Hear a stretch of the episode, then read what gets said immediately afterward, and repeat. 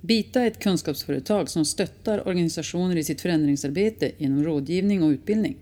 Den här podden är till för att inspirera till lärande och bidra till större kompetens inom områden som leder till en större möjlighet att förstå och hantera digitaliseringen.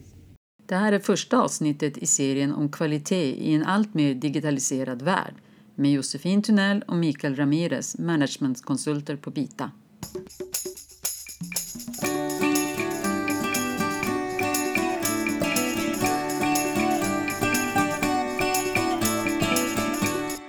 Hej och välkommen till en podd som jag tänkte idag skulle handla om kvalitet. Och med mig har jag Josefin Tunnell. Yes. Hej hej! Hej hej. Och eh, jag själv heter Mikael Ramirez. Bra. Hör du, jag tänkte börja med att bara ställa en fråga som du säkert har fått hundra gånger. Vad är kvalitet? Ja, det är ju ett väldigt brett begrepp som används idag utan att många kanske tänker på vad det faktiskt betyder. Varför tror du att det är så då? Men jag tror att det är ett så alldagligt begrepp som man inte reflekterar kring betydelsen och vad det faktiskt är eller innebär. Okej. Om, om du fick fördjupa den tanken, hur, hur skulle du då beskriva den här alldagligheten i?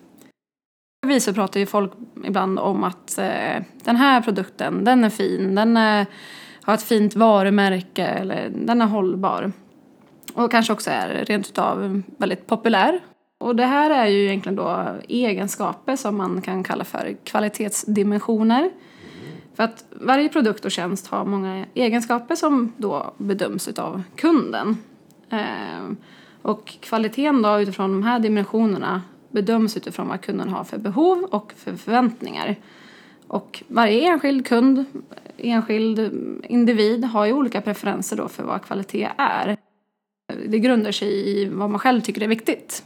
Detta belyser då att kvalitet är ett begrepp då som har en väldigt vid betydelse. Många kanske inte tänker på vad det är eller vet dess innebörd. Men faktum är ju att kvalitet handlar om hela den här helheten. Alltså hur vi systematiskt leder och utvecklar vår organisation och ständigt förbättrar oss själva. I, även i processerna i alla led och vilka arbetssätt vi har och sådär. Så det är också en kulturfråga då för hur vi väljer att organisera oss och även hur vi väljer att leda och vilken typ av kunskap vi har och vilka människor vi har och tar in i vår organisation. Mm. Okej, intressant. Tänk lite sådär, du säger dimensioner och helhet vad, vad innebär det här? Eller, eller, ja, vad innebär det? Vad är betydelsen av det? Ja, men det handlar ju om den kultur vi har och hur vi då bygger upp vår organisation och även då hur vi bemöter varandra och även våra kunder. Och det handlar också då om vilka värderingar vi bär med oss och eh, även då för hur vi vill agera. Och det handlar också då om att tillåta sig att våga se förbättringspotentialer, att man har möjligheter att utveckla. Eh, och det behöver ju alltid då relateras till den vision, uppdrag och mål man har som organisation. Så att man gemensamt uppnår då kvalitet. Så att även våra kunder kan uppnå deras mål eh, och förväntningar för vad de tycker är viktigt. Mm.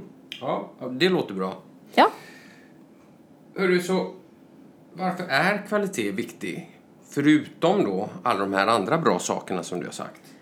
Jo, men om vi inte arbetar systematiskt eh, så kan det betyda då för våra medarbetare, våra kunder och även samhället att man inte kan nå sina mål och kanske inte ens heller ens uppdrag och, och i slutändan visionen. Så att genom att man arbetar med kvalitet och ständiga förbättringar så kan man få nöjdare kunder och som dessutom också då är återkommande. Eh, och man kan skapa engagemang och man kan få nöjdare medarbetare, medarbetare och minskade kostnader och även färre fel. Mm. Du, du nämnde systematiskt. Eh, och om jag då bara får, får kliva in med min egen upplevelse här då. Så är det inte alltid så att kvalitet bedrivs systematiskt. Men måste kvalitetsarbete vara systematiskt? Ja, om man verkligen vill få ut ett värde så vill jag säga att man måste arbeta systematiskt. För att vi behöver lära oss. Och för att kunna lära sig så krävs det också kunskap om vilka förbättringsmöjligheter man har för att kunna då arbeta systematiskt. Och man behöver ta reda på vilka våra kunder är och vad de har för behov och förväntningar. Och för att man sedan ska kunna uppfylla de här. Eh, så man behöver aktivt ta reda på vad man är bra på och vad man är mindre bra på. Och vad man måste bli bättre på. Och det görs bäst genom att vara systematisk. Mm. Mm. Jag tänkte ställa en, en klassisk kvalitetsfråga här. Ja. Som just har med, med, med kunderna och om man uppfyller då kundernas behov. Alltså, måste man alltid uppfylla kundernas behov utifrån ett kvalitetsperspektiv? Alltså har kunden alltid rätt? Ja, fast det är viktigt att särskilja på behov och förväntningar.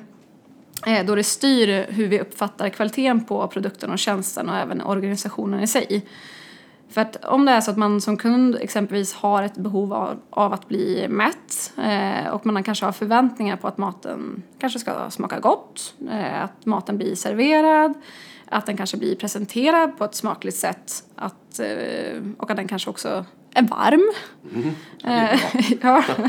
Så, och när det väl gäller så kanske det faktiskt är så att det bara är behovet som blir tillfredsställt. Det vill säga att man har blivit mätt, att man får mat. Men förväntningarna kanske inte uppfylls och då vill man ju inte rekommendera restaurangen då heller för att ens förväntningar inte blev uppfyllda. Så därav så är det ju extremt viktigt att man tar hänsyn till vilka behov och förväntningar det finns och vilka förväntningar och behov kunderna har för att man ska kunna uppnå kvalitet. Mm. Behov, förväntningar, kunden, vad kom först? Hönan eller ägget? Alltså, är det viktigt att börja med behovet eller förväntningarna? Var, ska, var, var, var börjar man någonstans? Ja, behovet är ju absolut en viktig del, eh, men behov går ju också att skapa. Eh, och ett systematiskt kvalitetsarbete handlar om vilka förväntningar som ska realiseras. Eh, och för att kunna skapa värde för sin egen organisation och för kunden så är det viktigt då att de här förväntningarna får ett stort utrymme. Man behöver sätta förväntningarna eftersom att då behov eh, kan man tillfredsställa ganska så snabbt. Men desto viktigare är det då med de här förväntningarna då de är så individuella och svåra. Så det handlar ju då alltså om den kulturen vi är i, vilka människor vi är och var vi kommer ifrån. Så det är de här mjuka delarna det handlar om. Mm. Eh, och vi kan ju vara hur bra som helst på att tillfredsställa behovet men vi kanske har svårare att möta förväntningarna. Så därmed är det jätteviktigt att förväntningarna får ett, ja, ett stort utrymme. Mm. Okej, okay, men summa summarum. Är det viktigt att ha en gemensam definition av kvalitet i organisationen?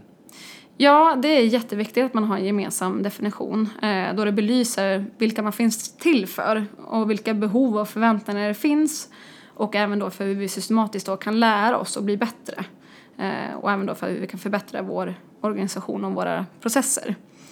Eh, och för att kunna ha eller leva upp till det man vill erbjuda och vad man står för och var man vill vara någonstans så måste man ha en gemensam definition. Annars blir det väldigt svårt att få en, en, en helhet. Eh, och sen finns det flera olika metoder och arbetssätt för hur man kan gå tillväga men det kanske vi kan spara till nästa gång. Mm.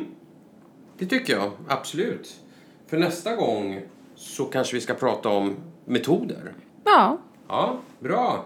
Okej, okay, så om jag då bara får summera ihop det här, om jag då har förstått dig rätt, så är grunden för kvalitet, eller kvalitet grundar sig på att vi har en kund, mm. eller en mottagare, att vi identifierar behov och eh, underliggande förväntningar och att ständigt förbättra. Precis, och även att man verkligen vågar att eh, se Eh, förbättringspotential. Att man inte ser det som något jobbigt eller sådär utan att man ser det som en möjlighet att kunna utveckla sig.